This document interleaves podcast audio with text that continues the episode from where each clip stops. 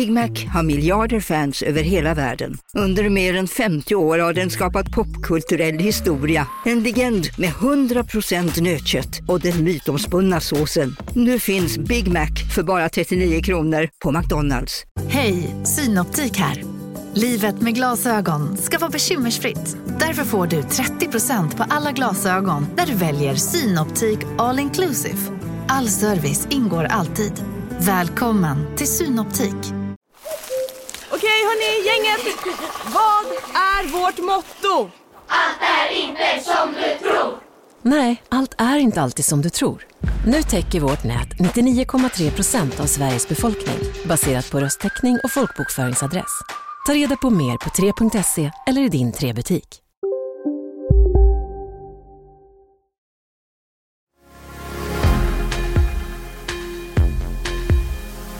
Uh, mayday, mayday. Estonia, what's going on? Can you reply? Den estniskflaggade passagerarfärjan Estonia med 867 människor ombord sjönk i natt sydväst om Finska huset. Nu, mer än 18 timmar efter katastrofen, räknar ingen med att det finns några levande kvar. Sverige och Estland har drabbats av stor sorg. Jag anser att vi ska göra mycket stora ansträngningar för att bärga de omkomna. Varje dykeriarbete på eller i Estonia är naturligtvis utomordentligt riskfyllt.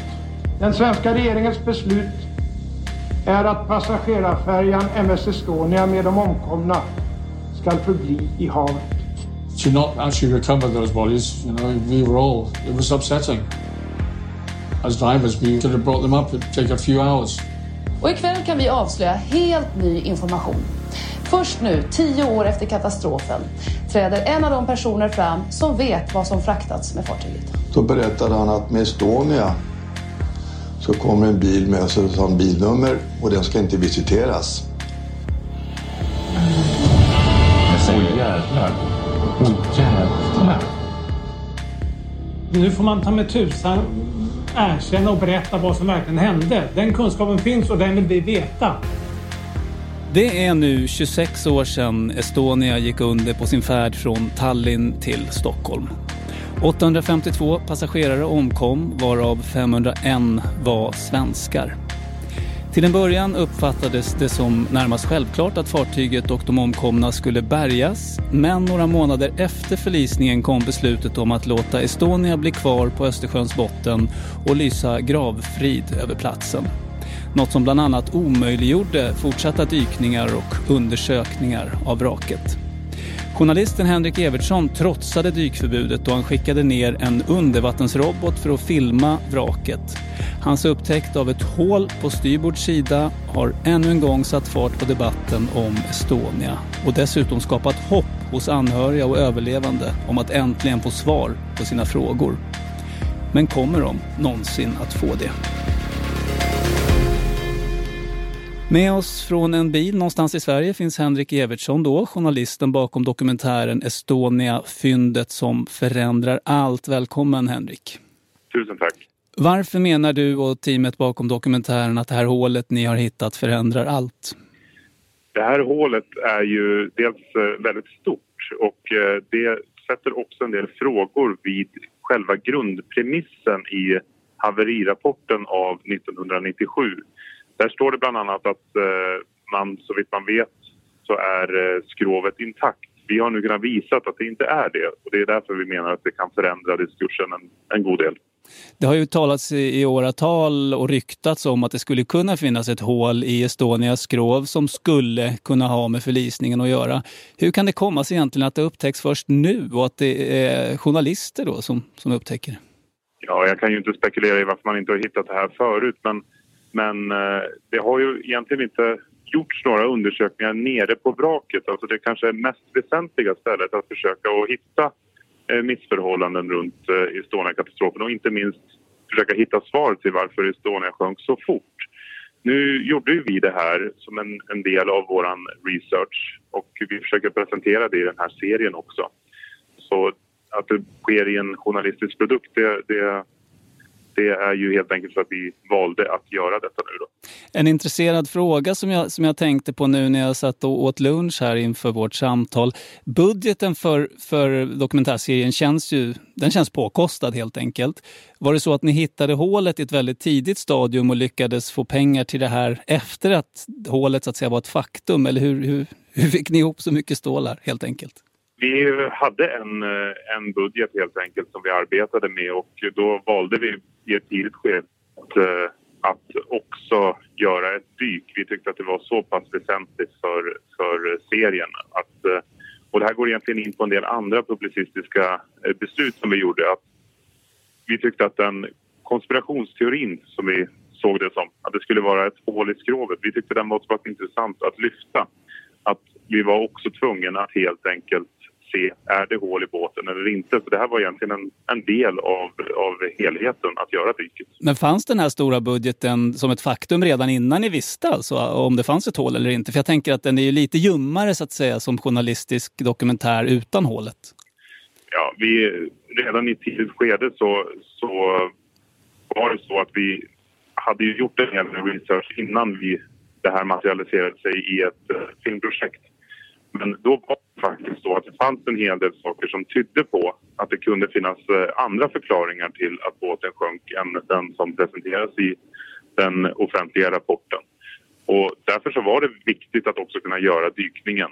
Eh, men naturligtvis så var ju det på vinst eller förlust. Vi resonerade så här att oavsett om det visar sig att skrovet är intakt så är ju det en journalistisk eh, viktig poäng i sig. Nu visar det sig vara ett stort hål i båten istället och då bedriver vi ytterligare journalistik på, på det faktumet. En större journalistisk poäng kan man nog objektivt slå fast än om det hade var, visat sig vara intakt. Det har ju förts en hel del diskussioner mellan experter om och när och hur hålet kan ha uppkommit. Allt från att fartyget ska ha skadats när det träffade botten till att det skulle kunna ha skett en kollision med någon form av annat fartyg. Till till och med en del som tror på någon slags sprängning. Vad, vad, har du tänkt när du har följt de här diskussionerna? Du har ju inte lagt dig i dem vad jag har kunnat se. Nej, precis. Alltså jag tycker inte att det är... Jag, jag vill liksom inte vara en aktör och en, en eh, debattör egentligen i den här frågan utan jag är ju journalist och så om man ser serien också så slår inte vi fast någonting utan det här slutar ju ganska öppet. Eh, och det var en ganska noga övervägd eh, sak det där för att det journalistiska mandatet tar ju slut någonstans. Alltså vi är journalister, vi kan det här med liksom bild och ljud och dramaturgi och sånt där. Men här handlar det ju faktiskt om eh, väldigt stora och svåra frågor och det måste ju eh, experter helt enkelt hantera. Och det är lite de eh, spekulationerna som nu också har följt av, av serien. Då. Finns det någon av de där förklaringarna som ligger på bordet nu som du tycker verkar mer sannolik eh, än den andra? Nej, det är inte min sak att, att, spekulera i det. Jag hoppas i alla fall att det blir grundligt undersökt det här nu, vad som kan ha orsakat det här hålet och kanske i förlängningen också att man får en, en tydligare bild av hur Estonia förliste och varför hon förliste inte minst. Det här är ju viktiga lärdomar för den globala sjösäkerheten. Om vi går tillbaka till det som hände i början då. En bild ni ger i dokumentären är ju att det rätt snabbt börjar sägas från svenskt håll att det ska vara väldigt svårt att bärga och både bärga dödsoffer som själva fartyget. Idag framstår en del av det som sades som lite märkligt. Eh, det förekom bland annat uppgifter om att det skulle ta en månad och liksom ta sig ner och så vidare. Vilken är din bild av varför Estonia inte bärgades? Det är ju så här att i, i serien så försöker vi så att säga lägga pussel eh, vad som hände under hösten 1994 fram till beslutet som kom den 15 december samma år. Och eh, det är ju så att båda eh, regeringscheferna har ju lovat att någon form av bärgning antingen om det är bara kropparna eller om det är både kropparna och fartyget då. Eh, så det löftet ligger ju ganska fort på plats där. Eh, sen börjar ju den här diskussionen att komma om man ska bärga eller inte bärga. Då tillsätts det ju det här etiska rådet. Det här redovisas ganska grundligt i, i avsnitt två av vår serie. Och där blir det en väldigt, väldigt relevant fråga. Vad vet Etiska rådet egentligen? För deras rekommendation får ju en, en ganska avgörande betydelse för regeringens slutgiltiga beslut då, sen i december 94. Och hur får de den informationen? Och då tolkar jag dokumentären som att den, de är ganska mycket i händerna då på myndigheterna och framförallt Sjöfartsverket kanske? Eller? Ja, eh, det är alltså olika former av eh, föreläsningar eller föredrag som, som eh, presenteras i Etiska rådet. Och de här föreläsningarna hålls av olika professioner naturligtvis. Men, men Etiska rådet eh, kanske inte fick alla all, eh, all relevant information på bordet. Det är åtminstone det vi försöker att, att belysa då. Mm. Och jag kan utveckla det mer naturligtvis. Men... Men i dokumentären så gör ni ju ett relativt stort nummer ändå av att Estonia användes av det svenska försvarets hemligaste del för att transportera ex-sovjetisk militär utrustning från Baltikum och vidare till väst. Det är fastslaget att eh, det har skett vid minst två tillfällen strax före Estonias förlisning. Men varför är den uppgiften viktig i dokumentären tycker du? Ja, den har ju en, en väldigt eh, stor betydelse egentligen för att det är ju så att det stämmer som du säger att man utredde om det hade varit militärtransporter veckorna innan Estonias förlisning. Eh, dock så var inte mandatet till utredningen att se om det var det på förlisningsnatten, vilket naturligtvis hade varit det mest väsentliga att undersöka. Eh, vidare så lyckas vi hitta två nya vittnen, två passagerare som har gjort mycket intressanta iakttagelser i eh, kajen i Tallinn där det då är alltså två militära bilar som kör ombord på Estonia, två eller flera. Eh, och eh, det är en slags militär aktivitet i hamnen. Vi försöker redovisa det här och vi tycker att det är så pass uppseendeväckande eh, observationer som, som görs här att vi tycker att det var väldigt nödvändigt att ha med det här spåret. I helgen så var eh, inrikesminister Mikael Damberg i kontakt med sina motsvarigheter i Estland och Finland för att diskutera det här nyupptäckta hålet. Och eh, så här sa han till Ekot eh, tidigare i veckan. Vi var överens om att vi ska både reda ut hur långt varje land har kommit i sina rättsliga analyser av läget, att också lyssna mycket på expertmyndigheterna som nu jobbar, men att vi också ska träffas framöver för att försöka jobba så mycket som möjligt tillsammans, alla tre länderna. Eh, så långt Mikael Damberg alltså. Ja, eh, det här har ju lett till en hel del reaktioner, din dokumentär. Då. Vad, tror du att, vad tror du att det kommer leda till, journalistiken du har gjort? Alltså, vi som filmskapare hoppas ju naturligtvis att eh, det här utreds på ett objektivt och bra sätt där man också inkluderar både anhöriga och överlevande i den här processen. Det tror jag är enda sättet för att man ska kunna liksom få lugn och ro runt Estonia-katastrofen och dess hantering. Eh, men det är naturligtvis ett mycket, mycket spännande eh, förlopp att följa nu. Du är åtalad för ditt brott mot eh, griftefriden eller gravfriden och det ska bli rättegång här i början av nästa år tror jag va? Januari? Ja, i slutet av januari. Ja. Vad, vad tänker du om det? Alltså, jag och min medåtalade vi eh, nekar ju till eh, brott. Eh, men det är klart att det här måste bli upp till, eh, till eh, huvudförhandlingen som sker då i Göteborgs tingsrätt att ta ställning till om ett brott har begåtts. Vi menar ju att vi inte har brutit mot någon gravfrid eh, genom att göra det vi har gjort. Då. Säger Henrik Evertsson, journalist och filmare bakom dokumentären Estonia, fyndet som förändrar allt. Stort tack för att du var med i Kvartalspecial.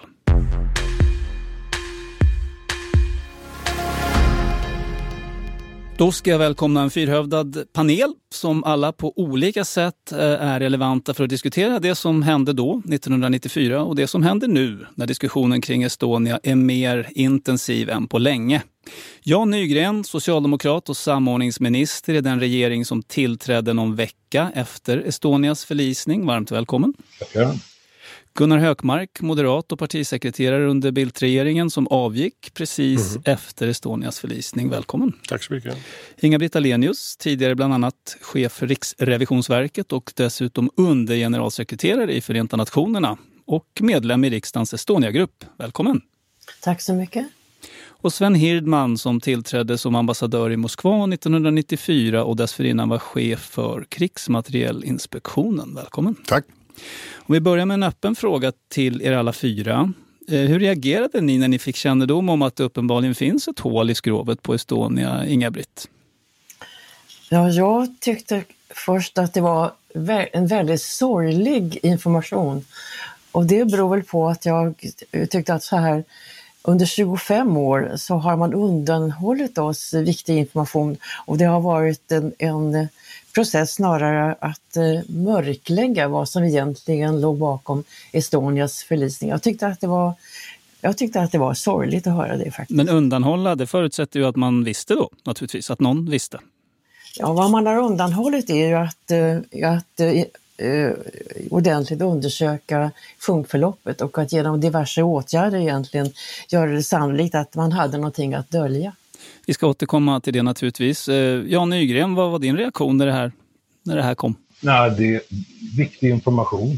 Eh, vi har ju under lång tid hört talas om att det möjligen skulle ha funnits ett hål i skrovet. Och, eh, men under den tid som jag var med så var det aldrig någon information som någon hade eller nådde oss. Så att det var väl lite omtumlande faktiskt. Viktigt förvisso. Viktigt och om, omtumlande.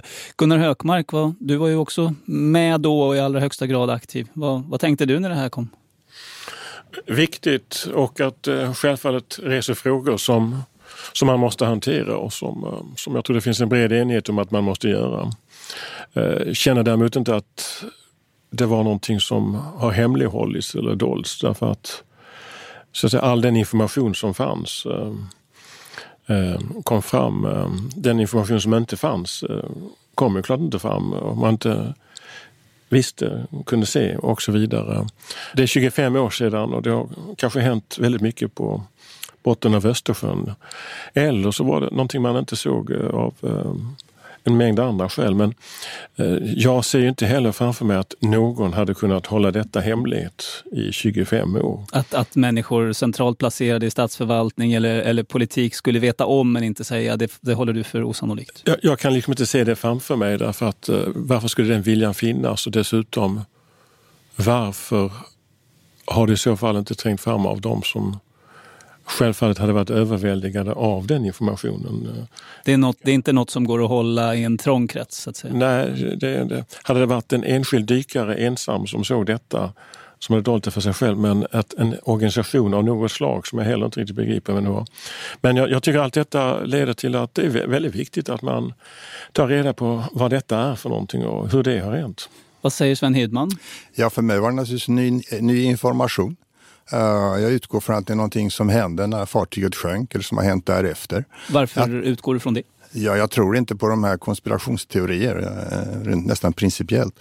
Eh, det ska vi diskutera sen. Men, eh, men jag tycker det är viktigt eftersom uppgiften nu har kommit fram att man undersöker den. Jag tycker det är naturligt om de tre länderna bestämmer sig för att skicka ner några dykare och ta reda på vad är det för sorts hål och vad kan det ha orsakats av och gör bottenundersökningar. Det tycker jag självklart man ska göra. Gravfriden ligger liksom i den andra vågskålen. Väger den lätt för dig i det här? Nej, men om regeringarna gör det, om svenska, finska och estniska regeringen gemensamt gemensamt kommer fram att de tycker det här är så väsentligt, det är väsentlig ny information, det berör alla anhöriga till de som omkom, då tycker jag då kan de besluta att eh, skicka ner dykare och undersöka hålet. Det är inte något eh, åsidosättande av eh, gravfriden. Okej, vi ska naturligtvis diskutera det där mer utförligt sen. Men om vi ska ta oss tillbaka då till den 28 september 1994 när beskedet kom att Estonia hade gått under på mindre än en timme. Tre nationer befann sig i sorg och chock och eh, frågetecknen var många. Samtidigt sattes bilden om den sannolika orsaken till förlisningen relativt snabbt. Bland annat utifrån vittnesmål från överlevande sjömän blev hypotesen att bildäcket fyllts av vatten efter att bogvisiret ramlat av i den hårda sjön. En slutsats som den internationella haverikommissionen tre år senare också slog fast. Gunnar Hökmark, du var ju som sagt nära händelsernas centrum där då som partisekreterare för regeringspartiet, det största dessutom i den avgående borgerliga regeringen. Eh, hur minns du de där första dagarna? Chock och sorg som du sa. Det var, en, eh, var på något sätt bortom det man kunde, kunde gripa över. Jag hade bara veckan innan varit eh, i Skåne och sett havet som då var varmt och det var en solig helg. Och sen detta fruktansvärda trauma som eh, ju mer man tänkte sig in i de som var drabbade, både de som gick under och överlevande, som, ja, det var en chock och trauma som eh, ja, som vi alla, oavsett det som nu har kommit fram, alla minns väldigt tydligt. Och det skakade om. Det skakade du, väldigt mycket om. Du var ju också väldigt aktiv i eh, de här demonstrationerna för Baltikums frigörelse och så. Jag kan föreställa mig att du kanske var extra engagerad i bland annat Estlands möjligheter att liksom komma på benen som en fri västlig nation och så vidare.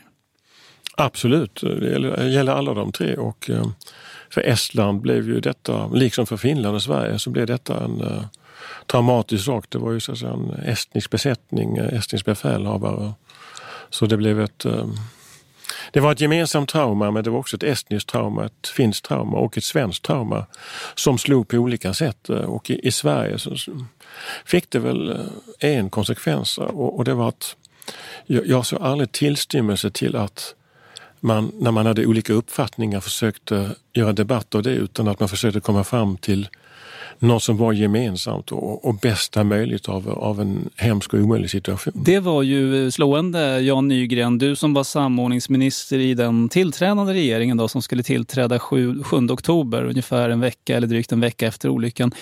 Det var en samförståndsanda, trots att det hade varit en stenhård valkamp precis innan. Ja, absolut. Eh, det är väl kanske inte så konstigt, den här typen av, av förödande tragedier eh, ställer krav på det politiska systemet. På det viset levde man ju faktiskt upp till eh, att vara vuxna i rummet som ju har blivit ett sånt populärt Vilken blev din roll då eh, i, eh, i den tillträdande regeringen när det gäller just Estonia? Ja, det var väl så att belastningen på kommunikationsdepartementet och kommunikationsministern blev ganska hård och tuff. Och jag fick då uppdraget av statsministern att bistå framförallt när det gällde anhörigkontakterna. Eh, och eh, eh, var på det viset väldigt nära diskussionen. Både med anhöriga men också de föredragningar som Sjöfartsverket med flera hade för regeringen. Hur minns du de där diskussionerna? Jag tänker framförallt mötena med anhöriga och deras olika krav och önskemål.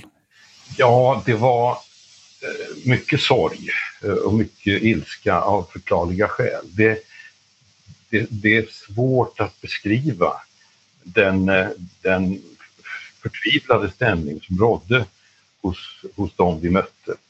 Eh, och vi träffades ganska ofta faktiskt eh, och försökte efter bästa förmåga att, att förklara vad det var som pågick, varför och vilka slutsatser som hade dragits. Mm. Men det är klart att den, den, det bestående intrycket är ju bedövande sorg, smärta och rätt så mycket ilska faktiskt under perioden. Inga-Britt Ahlenius, eh, du började intressera dig för det här i något skede. När och varför?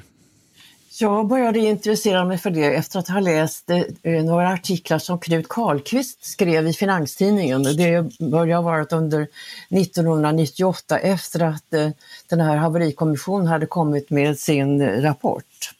Och eh, han var så detaljerad i sin kritik och så intressant att jag verkligen engagerade mig och deltog i en grupp väldigt tidigt för att diskutera de slutsatser som kom fram i den här JAICs eh, slutrapport. Den internationella haverikommissionen? Den internationella mm. haverikommissionen, den som bestod av företrädare för eh, de institutioner i respektive land som faktiskt har varit, var intressenter i hela olyckan. Vad var det som, Nämligen... gjorde, vad var det som gjorde att du eh, tyckte att här finns det saker att undersöka? Jag känner inte att jag fått alla svar. Alltså jag läste ju då också den här JAOICs eh, rapport och jag tog också del av den ska vi säga, massiva kritik som kom från, från väldigt eh, initierat håll på det som, som JAOIC framförde som orsaken till haveriförloppet. Den kom ju från eh, skeppsbyggarexpertis, det kom från Svenska Fartygsbefälföreningen och flera andra. Och eh, det har också slagits fast eh, i andra diskussioner att ett fartyg som tar in vatten på eh, bildäck Bildäck ligger 2,5 meter över, ungefär, på Estonia ligger ungefär 2,5 meter över vattenlinjen. Den kan visserligen haverera, men det gör det genom ett långsamt förlopp där fartyget till slut kränger och vänder sig upp och ner och blir flytande i flera dagar, kanske i flera veckor faktiskt, på den luft som finns i skrovet. Så det var det du fastnade för bland annat? Det är det som har drabbat andra så kallade rorofärger av samma slag som Estonia, till exempel den här Jan Revelius som, som förliste året före Estonia. Just det, den polska färjan ja. Eh, du ska få återkomma till det där igen, men jag tänkte fråga Sven Hirdman också. Du var tillträdande ambassadör som jag sa i Moskva vid den här tidpunkten. Vad minns du av de första månaderna efter olyckan? Det här var ju ändå en Östersjöfråga i någon mening. Ett par konkreta minnen. Jag hade åkt över Östersjön exakt en månad innan, men på ett ryskt fartyg, Anna Karenina tror jag hette, som gick från Stockholm till Petersburg. var på dagen en månad innan. Eh, en sak. Eh, ett annat starkt minne är att eh, på landet i Sörmland där vi hade en stuga hade jag en granne, en poliskommissarie som jag kände väldigt väl. Han omkom och ytterligare tror jag 50 poliser från polisens kamratförening som åkte där. Och det berörde mig djupt. Eh, det var väl det. Och eh, sen hade jag varit i de baltiska länderna under sommaren eh, 94, lite för förberedande för Moskva. Så jag hade varit i Estland, eh, där min mor förresten föddes en gång i tiden, och talat med estniska politiker och jag hade varit i, i, i Litauen och Lettland så jag hade väldigt färska intryck av de länderna. Och vilka var de intrycken då? Nyligen ja, befriade och så vidare? Ja, en stark nationalism och en eh, glädje över denna frigörelse naturligtvis, men också en komplikation som fanns eh, i dessa länders relationer med Ryssland. Det var ju frågan om ryska trupperna, det var frågan om de etniska minoriteterna, det var frågan om gränsdragningarna. Eh, och den starka ska vi säga, frigörelseandan, nationalismen i länderna slog mig ju eh, väldigt kraftigt. Och det var en spänning som du kom att få hantera lite grann? Sen. Ja, det var väl under alla tio år jag var i Moskva så var det frågor att hantera. Det kan vi återkomma mm. till. Och sen en annan, eh, en annan minne. Jag kände ju från den tid jag var statssekreterare, ibland så kände jag Hans Forsberg som var chef för haverikommissionen. Jag kände också Hirschfeldt som sen gjorde sin undersökning och, och jag hade ju själv varit engagerad i den här frågan eller om vapenexport eller inte till Baltikum. Så jag hade ju flera associationer där. Det är därför du är här. Ja. eh, Ganska snart kom den stora frågan att bli huruvida fartyget, eh, eller åtminstone de omkomna, då skulle bärgas. Något som såväl den avgående statsministern Carl Bildt som den tillträdande Ingvar Carlsson inledningsvis gav positiva besked om. Jag anser att vi ska göra mycket stora ansträngningar för att bärga de omkomna. Eh, vilket av hänsyn till eh, inte minst de anhöriga är någonting som jag ser som mycket, mycket viktigt. Och det har vi diskuterat och det arbetet eh, ska inledas. Jag anser att alla ansträngningar måste göras för att få upp fartyget. Oavsett vad det kostar att bärga fartyget? Ja, jag är beredd att förorda att även om det kostar väldigt mycket så ska vi försöka det. Gunnar Hökmark, kan du minnas varför eh, regeringen Bildt då gick ut med sådana här uttalanden så tidigt och sen ändå ganska tvärt började svänga kring bärgning? Det uppstod ju en besvikelse hos många då. Ja, regeringen hade ju avgått då när man kom fram till ett annat beslut. Det. Men även det beslutet var eh, i, i samförstånd. Ja. Och i de diskussioner, jag, jag minns en partiledaröverläggning där jag företrädde oss moderater. Så det var en väldigt öppen diskussion hur man skulle göra. Det fanns ingen som drev en linje. Men eh, problemen diskuterades och det var väl det som senare kom fram att så inte de ekonomiska kostnaderna, för där tror jag inte det någon satte någon gräns, men risken för ytterligare människors liv. Dykarnas då? Dykarnas liv, ja. Kom, kommer att spela stor roll och att uh, visa sig vara mer komplicerat än vad det var. Men det var, fanns aldrig så att det drevs en agenda. Uh, det fanns aldrig, det var en, en sökande diskussion där det fanns, uh, inte minst med tanke på det som Jan Nygren nämnde den sorg och den ilska som fanns bland de anhöriga. Men när man ser dokumentären så får man ju intrycket i alla fall av att dykningarna var inte så komplicerade. De här dykarna från Rockwater sa att de hade lätt kunnat ta upp 150 omkomna på plats när de var nere och undersökte vraket bara och tyckte att det var lite konstigt att de inte blev ombedda att göra det. Fick ni rätt information verkligen eh, som underlag? Det, det, det kan man aldrig avgöra men riskbedömning är alltid annorlunda efteråt än mm. vad den är före. Det vill säga det som framstår som stora risker Eh, visar sig kanske inte vara det. Det finns väldigt många människor som tar risker och klarar dem. Men det innebär inte att inte risken fanns. Och det är klart att i en sansad diskussion som handlar om mänskliga liv så måste varje regering eh, ta hänsyn till det. och eh, eh, om, om det var rätt eller fel, ja det vet vi inte. Vi vet ju inte vad som kan hända i framtiden heller vid andra dykningar där. Jan Nygren, eh, hur uppfattade du den här svängningen får man väl ändå säga att det var. Kanske en lite naiv, ett naivt löfte i början att vi ska ta upp fartyget och sen eh, såg man en massa problem och så svängde det. Ja, och jag är nog ganska övertygad om, precis som, eh, som Gunnar Hökmark är, att det fanns en uppriktig vilja ifrån både Carl Bildt och Ingvar Carlsson när de första gången uttalade sig. Eh, det tog inte, det tog inte särskilt lång tid förrän vi alla möttes av den här diskussionen om eh, problem vid dykning, problem vid bärgning eh, och, och eh, jag ska inte återupprepa alla de argument som då fördes, för även regeringen fick ju information alltså, efter att vi hade tillträtt den socialdemokratiska regeringen från Sjöfartsverket och andra. Och ganska snabbt så infann sig ett tvivel. Går, går det här verkligen att göra? Och eh, hur ska vi hantera detta, den information som vi har fått? Kan vi fatta beslut på, på basis av detta eller måste vi göra någonting annat? Jag tror att lösningen blev eh, det etiska rådet. I denna eh, lätt förtvivlade situation då man började inse att det kanske inte går. Eh, det är för stora risker. Eh, så, så, så dök idén om ett etiskt råd upp för att få lite vägledning. Vem kom med den eh, briljanta idén, får man ju säga att den var på sätt och vis? Ja, det var väl en diskussion mellan statsministern och några eh, av oss som var närmast i, i, i aktivitet kring Estonia. Så att det här kan ju vara en lösning. Låt oss få ta lite hjälp. När vi nu har hamnat i ett läge där det är eh, eh, där det, det, finns löften som uppenbarligen verkar svåra att, att uppfylla beroende på den information. Vi fick ingen annan information än att det här är komplicerat, det är jättebesvärligt. Hur kan vi hantera det här? Om jag ska tolka dig lite konspiratoriskt, inte konspiratoriskt, men lite hårt, så låter det som att det började gå upp för er att det här kommer kanske inte gå att göra. Hur ska vi liksom låta det beskedet mjuklanda lite hos människor? Ja, det, det är nog att dra det lite för långt. okay. Det kan ju vara så att det, att det faktiskt fanns ett seriöst önskemål om, eh, om att få frågan belyst av människor som inte var, var eh, satt i regeringen eller som inte var direkt berörda i beslutsprocessen. Eh, eh, sen kan det tolkas på andra sätt. Jag är ju part i men jag, jag, vill gärna säga att jag tycker också att det drar det för långt. Mm. Det var nämligen ett stort etiskt problem. Det och var, det bestod det? Ja, det etiska problemet var hur man skulle hantera de avlidna, de döda kropparna. Hur man skulle väga risker mot andra risker. Det, det var ett etiskt problem. Det var inte bara ett uh, lyftkarlsproblem. Det är att, att, att göra det lite för enkelt och så var inte diskussionen då.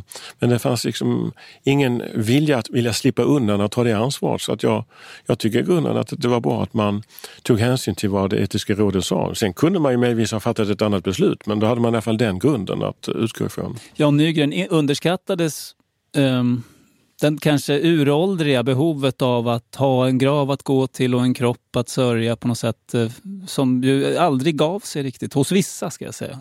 Det kan nog ligga något i det faktiskt. Uh, uh, på, på, något sätt så blev ju av förklarliga skäl Estonia-katastrofen en sorts nationell angelägenhet.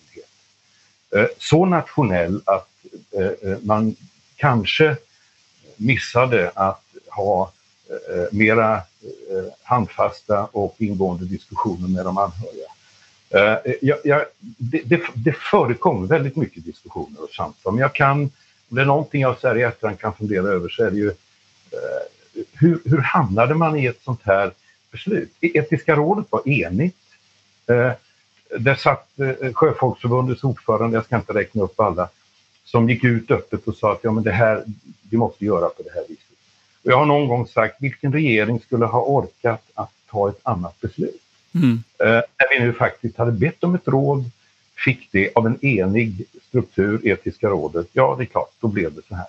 Eh, vi ska återkomma till det där också, men Inga-Britt Ahlenius, eh, jag vill höra med dig. Bärgningsfrågan blev ju ett stort trauma för många och den är, eh, känns inte helt avgjord än faktiskt. Vad var det som gick snett och när, i dina ögon?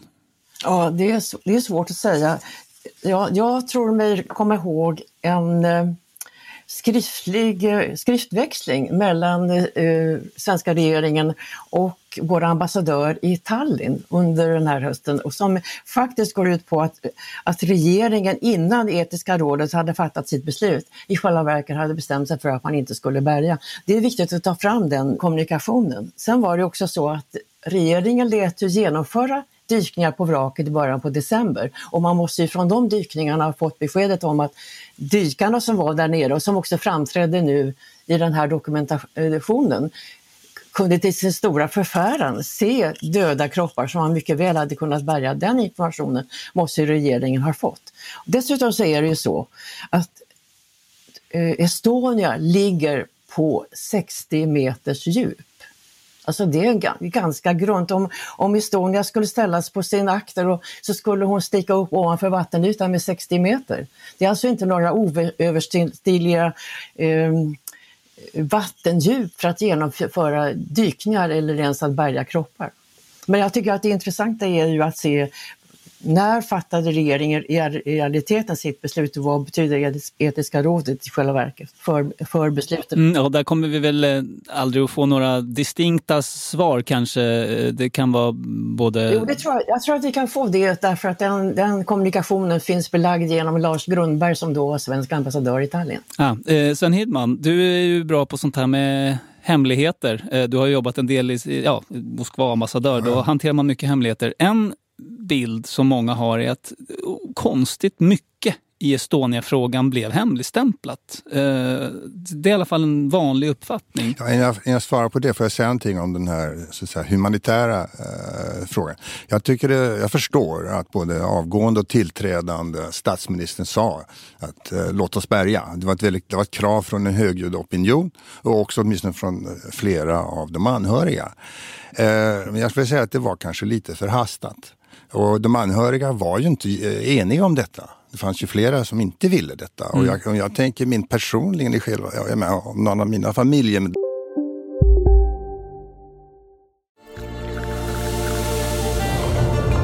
Välkommen till Maccafé på utvalda McDonalds restauranger med Baristakaffe till rimligt pris. Vad sägs om en latte eller cappuccino för bara 35 kronor? Alltid gjorda av våra utbildade baristor.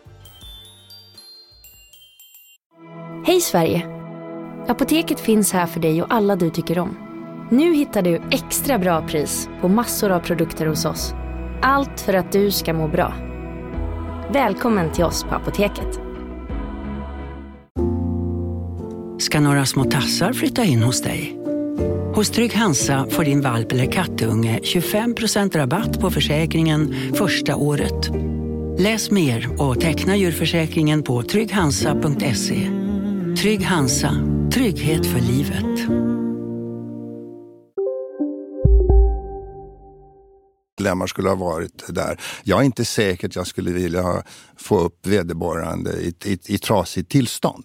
Så jag tycker väl personligen då och jag tyckte även i efterhand att det riktiga beslutet var att göra en slags högtidlig sarkofag där och markera detta. Det tycker jag var det riktiga långsiktiga beslutet. Det tog lite tid att komma fram till detta men jag tyckte det var ett riktigt beslut. Även betongövertäckningen? Ja, nästan alltså. Men nästan. det omöjliggör ju framtida undersökningar ja, och så. Ja, men uh, det var en, en eh, oerhörd katastrof. En oerhörd katastrof och jag tror inte det, eh, man löser problemet genom att ta upp lite kroppsdelar eller olika delar i efterhand. Man bara förlänger katastrofen och tragedin för de berörda.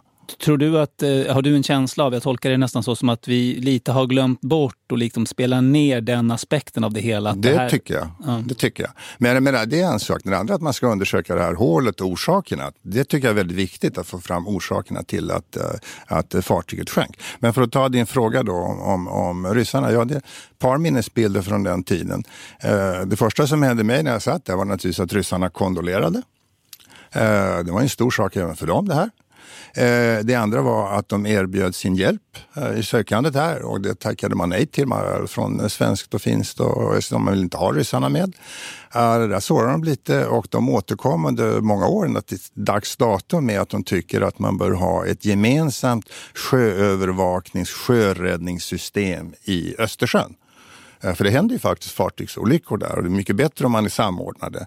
Och jag hade mycket kontakter med dåvarande chefen för den ryska eh, gränstruppen och kustbevakningen, generallöjtnant eh, Nikolajev som hade mycket goda kontakter med svenska kustbevakningen också.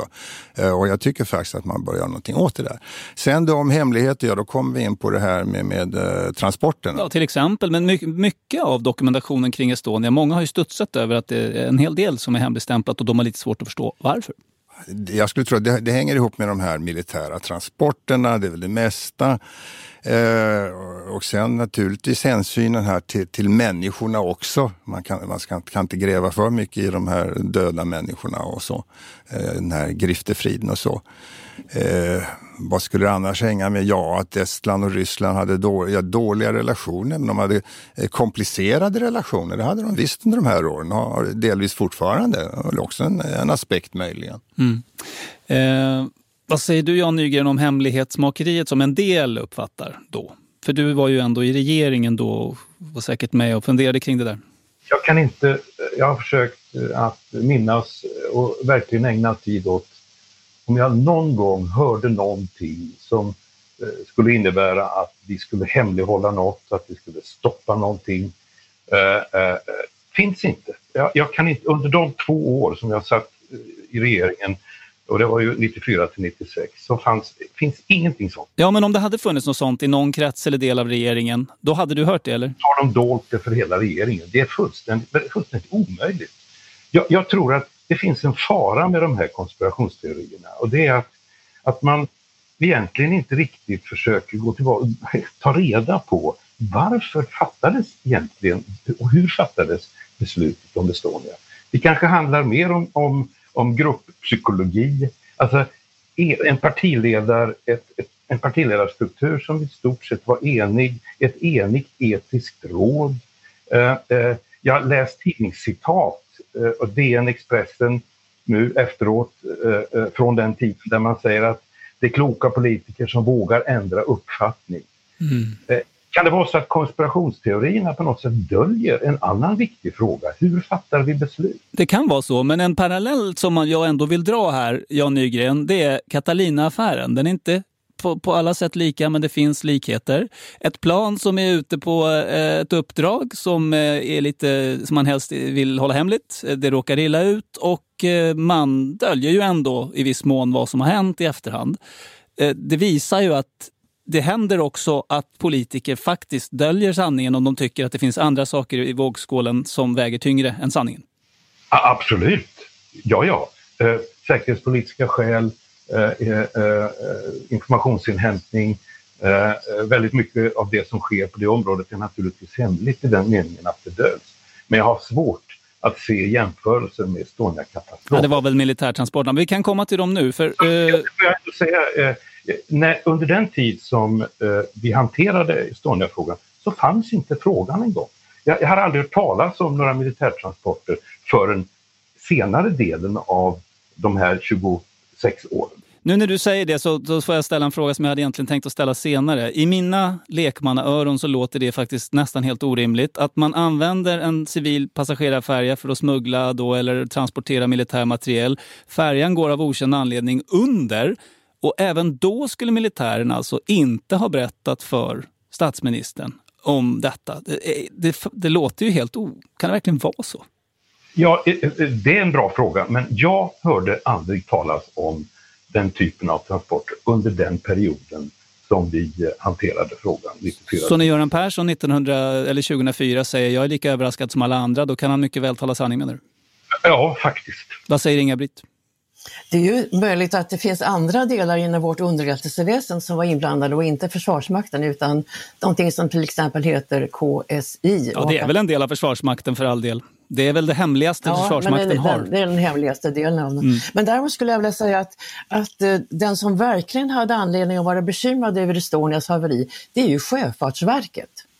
Och Sjöfartsverket var ju en framträdande informatör till både etiska, etiska rådet och till regeringen naturligtvis. För Sjöfartsverket hade ju sina inspektioner missat de problem som Estonia var behäftad med och faktiskt eh, samma kväll som Estonia lämnar Tallinn hade man genomfört en, en inspektion som gav i handen att fartyget var behäftat med så allvarliga fel att hon borde aldrig ha fått lämna hamn. Om jag förstår det rätt så var det en, en ganska märklig inspektion. Det var en slags, eh, man eh, skulle lära upp de estniska så att egentligen var det bara en, en eh, man valde Estonia för att den fanns till hands och sen upptäckte man alla de här felen, eller hur?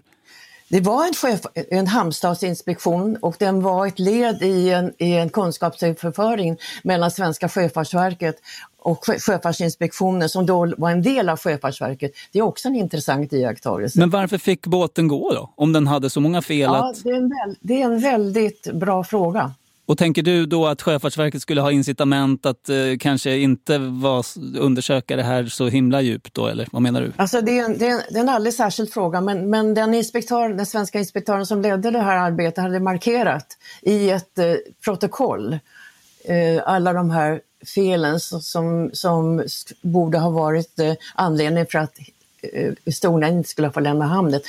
Det här protokollet finns med i haverikommissionens rapport med, med ska man säga, strykningar och förfalskningar som inte visar riktigt hur allvarliga de här iakttagelserna var. Och det gör att haverikommissionen kan förklara och säger i sin rapport att Estonia var sjöfärdig när hon lämnade Tallinn. Men det var den alltså är... inte? Absolut inte. När, när kommissionens ordförande först ett år senare ställs till svars i den här frågan så säger hon att jo, hon, i formellt hänseende, i juridiskt hänseende var hon sjöfärdig därför att det fanns alla certifikat och tillstånd. Men naturligtvis i tekniskt hänseende var hon ju dessvärre inte sjöfärdig. sjöfärdig. Mm, eh, det vi vi lämnar det där just nu. Eh, jag tänkte vi skulle ta en liten sväng med den här militärtransporterna. Det är ändå en stor sak som har hänt under mellantiden. Eh, många anhöriga kände sig ju svikna som vi har varit inne på av regeringar och myndigheter och en hel del konspirationsteorier växte fram om att det fanns något som skulle döljas. Det avfärdades förstås eh, av de allra flesta som just konspirationsteorier. Men så, tio år efter olyckan, kunde Uppdrag granskning avslöja sensationella nyheter. Och ikväll kan vi avslöja helt ny information. Det handlar om vad som fanns i Estonias last så sent som en vecka före olyckan. Uppgifter som aldrig tidigare publicerats. Först nu, tio år efter katastrofen, träder en av de personer fram som vet vad som fraktats med fartyget. Då berättade han att med Estonia så kommer en bil med sådant bilnummer och den ska inte visiteras. Och inte visiteras jag då ställer frågan. Ja, det är vem har sagt det? Ja, det är order fick jag till svar till tulldirektören. Ja, från vem då? Ja, från högsta ort. Så du fick alltså order att uh, släppa igenom en viss bil? Ja, den skulle inte visiteras. Den skulle släppas igenom. Och du fick datum för det här också? Och datum, ja. Det var den... det var den 14 september. Mm, tulltjänstemannen Lennart Henriksson kunde alltså berätta hur han beordrats från citat högsta ort Eh, om att släppa igenom en viss bil eller vissa bilar då som visades innehålla militär utrustning. Nyheten fick stort genomslag, ledde till en utredning som genomfördes av Johan Hirschfeldt där han slog fast att smuggling av militär last hade skett på Estonia vid två tillfällen åtminstone. Den 14 och den 20 september. Gunnar Hökmark högsta ort, då tänker jag, ja det var ju inte kungen då, säger Henriksson i ett annat citat som inte är med här. Eh, men den borgerliga regeringen då antar jag på något sätt måste ju ha beordrat detta, eller? Vet, inte det, vet ju inte den som har sagt detta heller vad som avses med högsta, högsta ort. ort. Och att eh, svenska myndigheter samarbetar med varandra är heller inte särskilt konstigt eh, om det gäller frågor som man anser har att göra med rikets säkerhet. Det förändrar inte det faktum att när Estonia förliste var det en stormig natt. Estonia höll full hastighet, ansågs inte, som vi hörde nu här innan, vara sjöfärdig. Det vill säga, bara för att du sätter en kanna vatten på spisen så kokar det inte på grund av att du häller salt i det utan på grund av att omständigheterna är sådana. Så att man får skilja mellan någonting som händer samtidigt och någonting som är en konsekvens av vartannat. Och det är klart att allting som vi pekar på, även i det här programmet, handlar om att Estonia uppenbarligen inte var sjöfärdig. För om det är någonting som vi kan vara helt säkra på så är det ju det. Mm. Och att den framförde sin hastighet som inte borde gjorts. Mm, men det finns också ett hål då som eh, är svårförklarligt just nu och eh, de allra mest konspiratoriskt lagda lägger ju ihop det här ändå och tänker att militärlast, skumt, kan det vara ryssarna och så vidare. V vad, vad, tänker du om alla de där teorierna? Men, men, men, det påverkar ju inte att det skapas ett hål i, i båten. Det beror väl på vad, vad, vad den här hemlige, vad som har hänt helt enkelt. Ja, ja, det är sant, men jag har inte hört någon säga att det är på grund av en torped eller att det är någonting annat. Utan eh, det får väl mariningenjörer och andra som kan de här frågorna. Jag, jag vill gärna säga att jag anser mig kunna yttra mig mycket och ibland om för mycket kanske. Men, men det finns ju vissa saker som ingen av oss riktigt kan behärska och då tycker jag det är bättre att de som är närmast eh, det kallet kan göra det. Och Vad där, tänker du på då? Alltså fartygsteknik ja, ja, och båtar? Mariningenjör, fartygsteknik och väldigt mycket annat. Vad händer med ett stort fartyg som har legat eh, nästan 30 år på sjöbotten till exempel? Vad händer den natten vid förlisning? Jag tror att det som händer sätter ju om väldigt stora krafter i, i, i fart. Inga-Britt, du är ju men, inte men, någon... men, men, låt mig säga, Ja. allting kokar ändå ner till en stor storm. Ett fartyg som inte anpassar sin hastighet till det och som har redan tidigare ansetts inte vara lämplig för den typen av trafik och dessutom, om det här nu stämmer med eh, protokollen, uppenbarligen inte borde gått ut.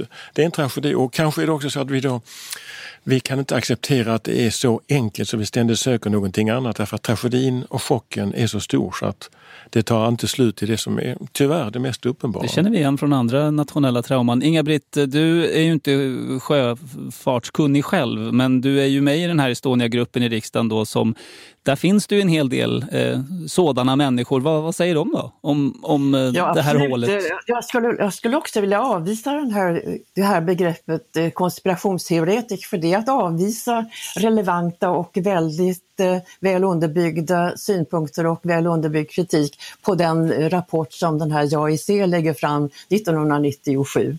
Och alla som är sjöfartskunniga eh, konstaterar ju att ett fartyg sjunker inte på mindre än en timme utan att det finns ett hål under skrovet. Man sjunker, fartyget sjunker inte enbart av den anledningen att det har kommit in vatten på bildäck. Det måste finnas eh, ventiler öppna någonstans eller portar öppna och det säger den här kommissionen att så var inte fallet, allting var stängt.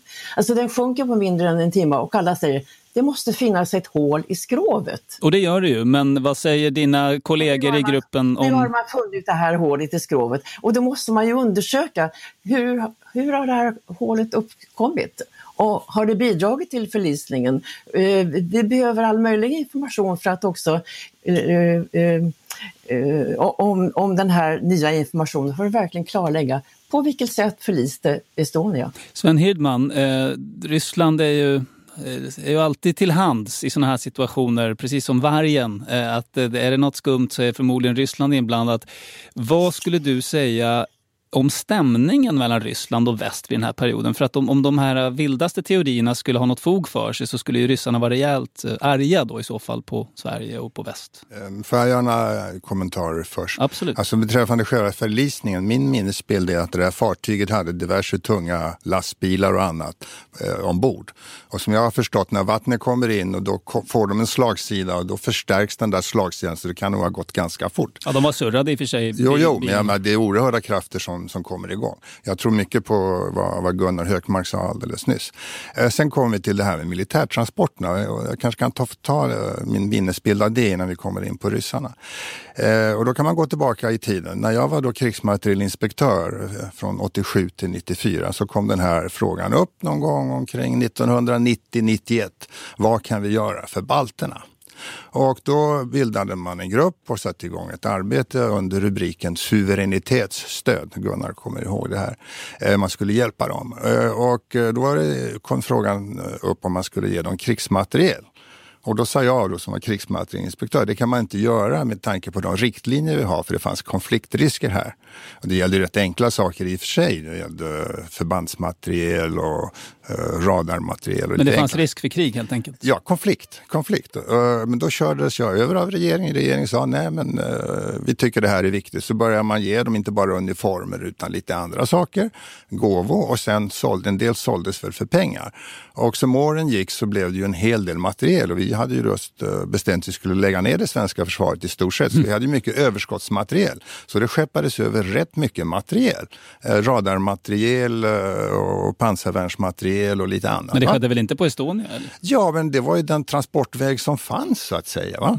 Ja, man ju inte köra bil runt eh, hela Öst, Östersjön och sånt. Så det var ju naturligt att den åtminstone tyngre materielen gick med båt. Det tycker jag Men var det självklart. dolda transporter eller helt öppna?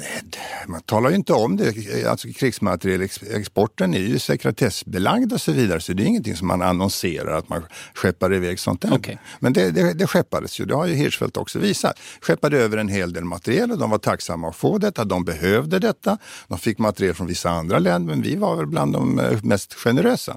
Så det skedde väl. Nummer ett. Nummer två, när då de här länderna, baltiska länderna och Polen och, och Tjeckien och så vidare blev fria från Sovjetunionen och Warszawapakten. Det var ju en guldgruva för västmakterna att ta reda på hur var det nu med den här sovjetiska teknologin och vad hade de för system? Vad kan vi lära av det? En guldgräva, Det vet vi ju att eh, amerikanerna var igång överallt i Polen och så vidare. Och även Sverige var ju intresserat. Men på samma sätt som vi har ett underrättelseväsen som försöker se vad, hur är det på andra sidan Östersjön med radar och, eh, och annat. Så var det här intressant för oss. Kan vi få någonting i utbyte eller kan vi köpa någonting? Så det var inte alls konstigt att Försvarsmakten, Försvarsstaben, MUST, KSI och så vidare var intresserad att få del av information som var viktig för vår säkerhet. Och inte heller konstigt att den transporterades på Estonia då, utifrån... Nej, och då, bara nämna en sak. Vi har den här stora sovjetiska ubåtsbasen Paldiski i Estland och vi hade ju haft besvär med ryska ubåtar i Sverige så vi hade ju ett stort informationsbehov.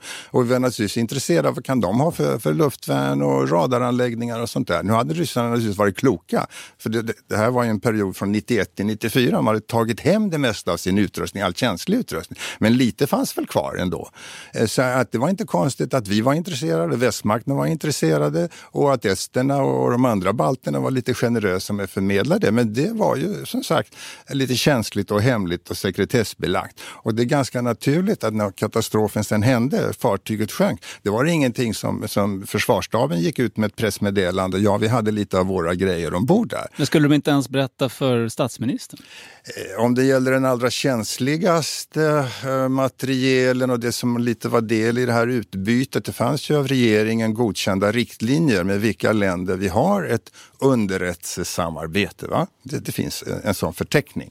Men vad som sker i själva utbytet, det sker genom Försvarsmakten och ÖB är möjligen informerad. Men eh, det, det, det hålls på en rätt låg nivå. Okej, eh, till och med om båten förliser då som den gjorde? Ja, det hade ju inte med förlisningen att göra. Ja, det visste man väl inte? Men man Nej, det kan man nog utgå från. kan, Inte. kan man inte sätta lite proportion till detta? Ryssarna, och det var ett annat Ryssland än det Ryssland vi ser idag och det var ett annat Ryssland än det som vi hade sett tidigare. Det var ett Ryssland som öppnade sig och som var på väg mot en, vad vi kallar liberal demokrati. Som ville göra upp i väldigt många frågor som hade gett ubåtskränkningarna under 80-talet.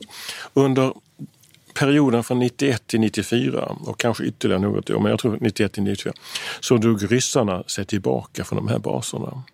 Och jag kan lova att om de inte var helt desorienterade så tog de tillbaka det mest graverande, det mest hemliga, det mest känsliga. De gjorde inte tvärtom och lät det mest känsliga vara kvar.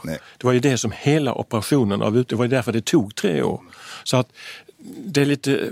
Det är osannolikt menar du att det skulle finnas kvar någonting av verkligt stort värde som Sverige skulle ha kunnat slagit klorna i och transportera Ja, du måste Estonia. sätta dig i en James Bond-film av ett väldigt udda slag för att hamna i den slutsatsen. Jag vill bara fråga dig Sven Hedman till slut eh, när det gäller den här delen. Eh, Stämningen mellan Ryssland och Sverige och det, det, det sägs ju i dokumentären och har även skrivits i en eh, lång artikel i Kvartal att eh, hot framfördes, eller rättare sagt varningar från Ryssland att lägga av med det här nu. Ja, jag har aldrig, jag fick inga sådana hot från rysk sida. Jag känner inte till att någon av mina kollegor, så jag känner inte Du har till. inte hört talas om jag har det inte hört talas om det, du har nämnt det. Eh, Om vi ser på relationen mellan då, i det här fallet, balterna och Ryssland, så det var väl flera aspekter där. Det ena var att hos Jeltsin och hans medarbetare i regeringen, Burbulis och Gaidar och Tjernomyrin och så vidare, så fanns det under de här första åren, 91, 92, 93, en känsla av eh, Eh, att de hade eh, otacksamhet. Alltså de tyckte, Jeltsin tyckte, nu hade ju han hjälpt de baltiska republikerna bli självständiga. Det ville inte Gorbatjov utan Jeltsin ansåg att det var han som hade medverkat till det. Och de borde, eh,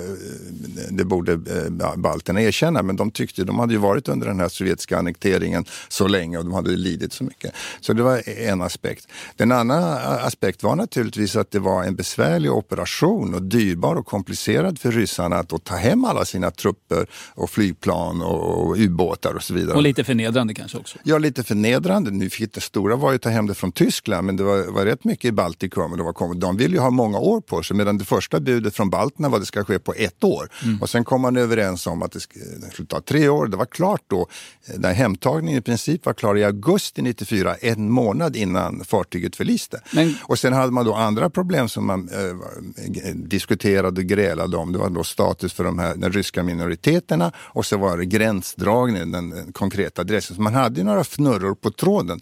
Men jag skulle inte säga att de var så allvarliga, inte den ryska regeringens synpunkt som ville, som Gunnar just sa, som ville ha goda relationer med väst och skulle in i Europarådet och alla bra organisationer, att, att det, det skulle leda till någon aktion mot ett, ett, ett, det här fartyget, även om det transporterade lite stulen och överbliven Det materiel. håller du för osannolikt. Jag håller det för osannolikt. Okej, vi, vi lämnar det här spåret nu för det finns ju så många andra saker man kan prata om när det gäller Estonia och jag tänkte att vi nu mot slutpunkten här skulle ta oss framåt lite i eh, historien och kanske börja närma oss nuet då.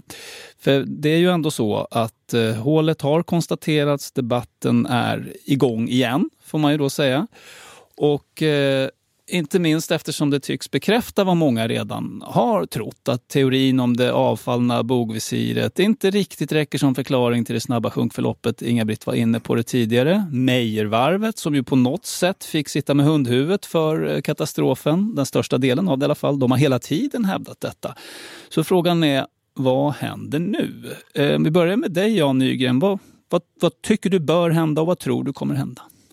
Ja, jag tror att det är väldigt angeläget att man eh, fortsätter att undersöka hur det här hålet har uppstått.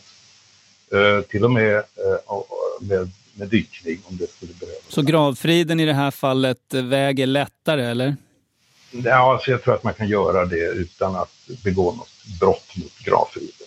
Får jag samtidigt säga, eftersom eh, den här diskussionen om, om den, den eh, militära transporten får så mycket utrymme. Alltså, en, en, ett, ett enigt etiskt... Jag återvänder till 94, därför att det var ändå då besluten fattades. Och det är lite svårt att hänga med, därför att skulle, skulle den här typen av transporter då ha varit orsaken till att ett enigt etiskt råd, en hel en regering, riksdagspartierna fattade det beslut de göra i akt och mening att dölja. Det är fullständigt orimligt. Ja, det är ju helt orimligt, naturligtvis. Jo, men man kan ha synpunkter på om beslutet var rätt eller fel. Men det viktiga är ju, fattades beslutet med utgångspunkt ifrån att försöka dölja någonting? Och svaret är naturligtvis absolut nej. Bara för att eh, utforska det här till, botten, eftersom jag vet att många som lyssnar är intresserade. Kan det vara så att eh, många tror nog kanske inte det, att man liksom aktivt vill dölja någonting, men att man kanske inte var 100% intresserad av att precis gå till botten med exakt vad som skulle kunna ha hänt. Av möjligen de skälen att man inte riktigt visste. Och jag förnekar det bestämt. Hade man haft möjlighet eh, att, hade man fått information, hade det funnits på bordet, hade man naturligtvis hanterat det. Det fanns ingen sån information. Mm, Okej, Då. Inga-Britt, eh, du är ju- tillhör ju ändå de som tycker att det, har skett en del konstigheter. Vad, vad tänker du, dels om det Jan Nygren säger nu, men också sen då vad som du tycker ska hända och bör hända? Ja, så jag vill också återknyta till diskussionen om att Estonia transporterade militär utrustning. Alltså det är sensationellt och anmärkningsvärt att den, att den civila färjan Estonia systematiskt har använts för militära transporter. Och det borde ju var och en förstå att det innebär också att ska jag säga, att fartygets eh, eh status på något sätt förändras. Det andra är att när Etiska rådet fattat sitt beslut om att, eh, att eh, fartyget inte bör bärgas så, så baserar man det praktiskt taget uteslutande på de föredragningar som sjösäkerhetschefen Fransson i Sjöfartsverket gör. Och, och, och de föredragningarna gick ju enbart ut på att avråda för alla de hemskheter som dykarna skulle möta under vattnet och hur svårt och besvärligt det skulle vara. Det här har ju då lyckligtvis Caroline Krook faktiskt kommit fram med och sagt att hon faktiskt undrar om man inte blev förd bakom ljuset vad gäller de här besvärliga omständigheterna. Och varför skulle man bli det då? Efter, du har ju hört vad Jan säger, att det är ändå helt otänkbart att man skulle ha någon sån agenda. Men Jan talar ju om regeringen, jag talar ju om Sjöfartsverket. Okay. Sjöfartsverket hade mycket att dölja när det gäller Estonia. Och, och, då skulle det då i så fall gå ut på att eh, man inte var så intresserad av att eh, undersöka det för noga för då skulle de kunna sitta med hundhuvudet snarare än mig i varvet? Ja, är det så du menar? Bland annat det. Men sen menar jag ju också att, att eh, när det gäller sjunkförloppet så är det intressant att, att undersöka och den sjöfartsexpertis expertis som finns också i den här Estonia-gruppen är ju väldigt får ju sin uppfattning bekräftad genom det här hålet som, som den här, eh, det här filmteamet har funnit. Det här hålet är ganska stort. Det befinner sig någonstans mellan däck 0 och däck 1, det vill säga under, under, eh, i fören. Eh, någonstans mellan eh, däck 0 och, och däck 1. Och det betyder att expertisen säger att det här hålet ganska snabbt innebär att fartyget får trimmar på fören som man säger. Det vill säga det dyker med fören för och där i, den, i, det, i det förloppet så slits också visiret av därför att det har inte eh, förutsättningar att stå emot precis den eh, rörelsen. Det skulle förklara det, otänk, det omöjliga i att två så pass konstiga saker inträffar samtidigt, då, ett hål och bog Det är konsekutiva händelser. Först är det ett hål och sen så eh, ramlar visiret av därför att påfrestningar blir för hårda på, på visiret när fartyget allvarligt trimmar på fören så dyker det på mindre än en timme. Gunnar Hökmark då, eh, du har ju redan varit inne på det att du också verkar tycka att nu måste man ändå göra allt som går för att ta reda på Det tycker jag man ska göra. Därför att blott det faktum att vi sitter här och diskuterar måste leda till det och, och det är så stora etiska värden och, och, mänskliga dimensioner i detta. Så det måste man självfallet göra. Men när man gör det så får man akta sig för att få alla upptänkliga teorier att glida samman i en. Mm, Därför att alldeles nyss så sa vi just detta och, och jag tror det ligger mycket i det att när fartyget inspekterades så var det inte i det skick som det var. Jag kan inte yttra mig om det var det eller ej därför att det är bortom eh, min och vår förmåga här. Men om det är sant. Jo men det stämmer, ja, precis. Om, om, det är sant så säger det någonting också om förutsättningarna till, till, till, till, till sjöss. Eh, och om det också är sant, vilket det är, att det var en storm. Fartyget höll en full hastighet medan alla andra fartyg i området hade saktat ner. Nåja, vad var det verkligen? Alltså, nu ja. måste jag faktiskt... Eh, jag tyckte jag läste haverikommissionsrapport igår. Såväl Silja Europa som några av de andra gick väl i nästan samma hastighet. Ja, det, det är möjligt, men den information som jag har. Men då säger vi, låt oss eh, gå vidare på alla de spåren. Och det som den internationella haverikommissionen kom fram till, som ju också bestod av rätt många experter. Den var internationell för att just undvika att det skulle kunna vara en statlig myndighet i det ena eller andra landet skulle mm. kunna mm. försöka skydda sina olika intressen. Där vill Inga-Britt in vet jag. Eh, absolut. Du, du, vill anmäla en avvikande uppfattning gissar jag om den här JAIC. Absolut, i det, i det fallet vill jag absolut anmäla en avvikande eh, uppfattning. Kritik framfördes väldigt skarpt från den eh, Peter van Vollenhofen som var ordförande i internationella säkerhetsrådet mot hur man konstituerade den här kommissionen. Den bestod ju av alla intressenter som själva hade ett stort operativt ansvar för hela det här förloppet. Och var och en, varje land gavs till uppgift att granska just deras egen bidrag, deras egen verksamhet i det här. Eh, Estonia skulle granska besättningens kompetens, finnarna skulle granska sjösäkerheten och Sverige skulle granska fartygets beskaffenhet. Och där satt de här tre bockarna som trädgårdsmästare i tre år för att komma överens om ett, eh, ett, eh, belopp, ett förlopp för förlisningen där alla kunde enas. Och lägga största delen av skulden på varvet som byggde båten, får man väl säga. Ja, men eftersom varvet inte var med i utredningen så var det naturligt för dem att de stannade vid. Ja, problemet var att visirets låsanordningar var för svaga och stod inte emot den här stormen etc.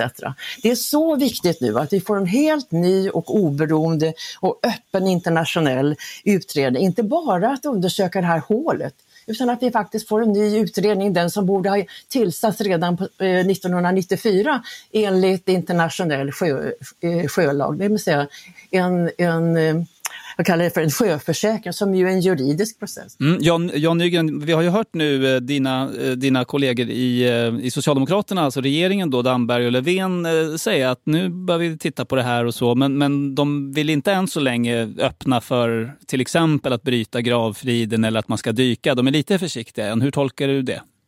Nej, men jag tror man ska tolka det så att man vill komma överens med de två övriga länderna om en rimlig framkomstväg.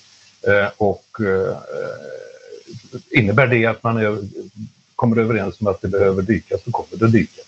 Och det kan man definitivt göra utan att eh, eh, störa gravfriden på något sätt. Du var ju i kontakt med många anhöriga då på 90-talet som tog ställning mot bärgning. Ju. De tycker jag är väldigt frånvarande nu. Så att säga, de som inte ville ha en bärgning och så. Hur tolkar du det? Att, för det var väl en stark eh, grupp på den tiden?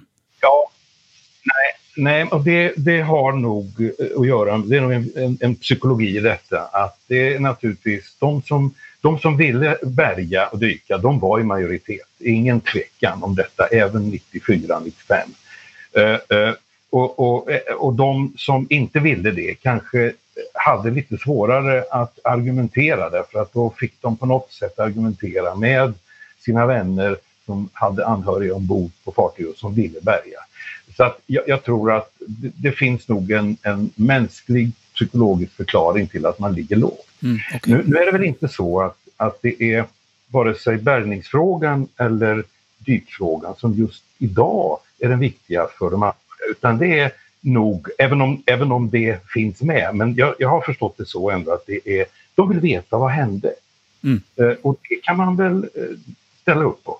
Uh, all den här informationen som har förmedlats här är ju sånt som har dykt upp i efterhand, åtminstone med mina ögon.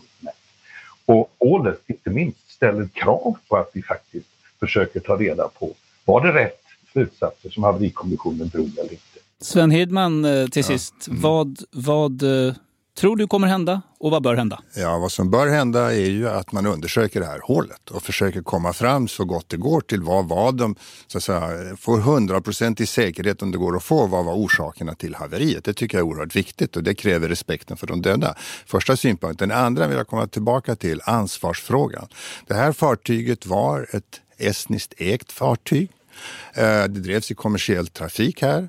Eh, det var esterna som gav eh, starttillstånd så att säga, skickade iväg det. Och Estland hade alltså ett tungt ansvar för att det här fartyget gick iväg och för att det sjönk. Och det är en tung börda att bära och de vill naturligtvis få detta uh, uppklarat. Och lite finns det väl där om man då kan hitta någon annan orsak. Om man kan hitta några stygga ryssar som sprängde fartyg kan jag väl tänka mig någon konspiratorisk person skulle kunna Eller tänka. Eller några svenskar som Eller vill några konspiratoriska. Jag tror inte alls på den där konspirationsteorin som jag har sagt. Utan det här var en stor tragedi den hände. Eh, och, och, och nu är det bra om vi kan ta reda på varför, mm. hur det hände så att säga. Man ska skicka ner dykare, absolut. Ja, frågan om Estonia, den största civila fartygskatastrofen i Östersjön sedan andra världskriget, fortsätter att engagera och uppröra. Kanske för att den rör vid något av de viktigaste frågorna medborgare i ett land kan ställa sig. Kan de lita på sina politiker och på sina myndigheter? Eller finns det saker som borde kunna berättas och som ändå döljs? Vi får se vart detta tar vägen och om anhöriga, överlevande och övriga medborgare till slut kan presenteras en bild som kan göra att Estonia läggs till handlingarna som en historisk händelse istället för ett öppet sår. Jag kan rekommendera er som är intresserade att läsa två texter på kvartal.se. Dels Peter Axelssons Den militära smugglingen på Estonia, när visste regeringen? och Inga-Britt Ahlenius Undersök vraket på nytt. Stort tack till er som lyssnat och till våra medverkande, journalisten Henrik Evertsson, diplomaten Sven Hirdman, de tidigare politikerna Jan Nygren och Gunnar Hökmark samt Inga-Britt Ahlenius, tidigare chef för Riksrevisionen och under generalsekreterare i FN. Jag som heter Jörgen Wittfeldt önskar dig var du än är och när du än tar del av detta en fortsatt fin dag. Hej då!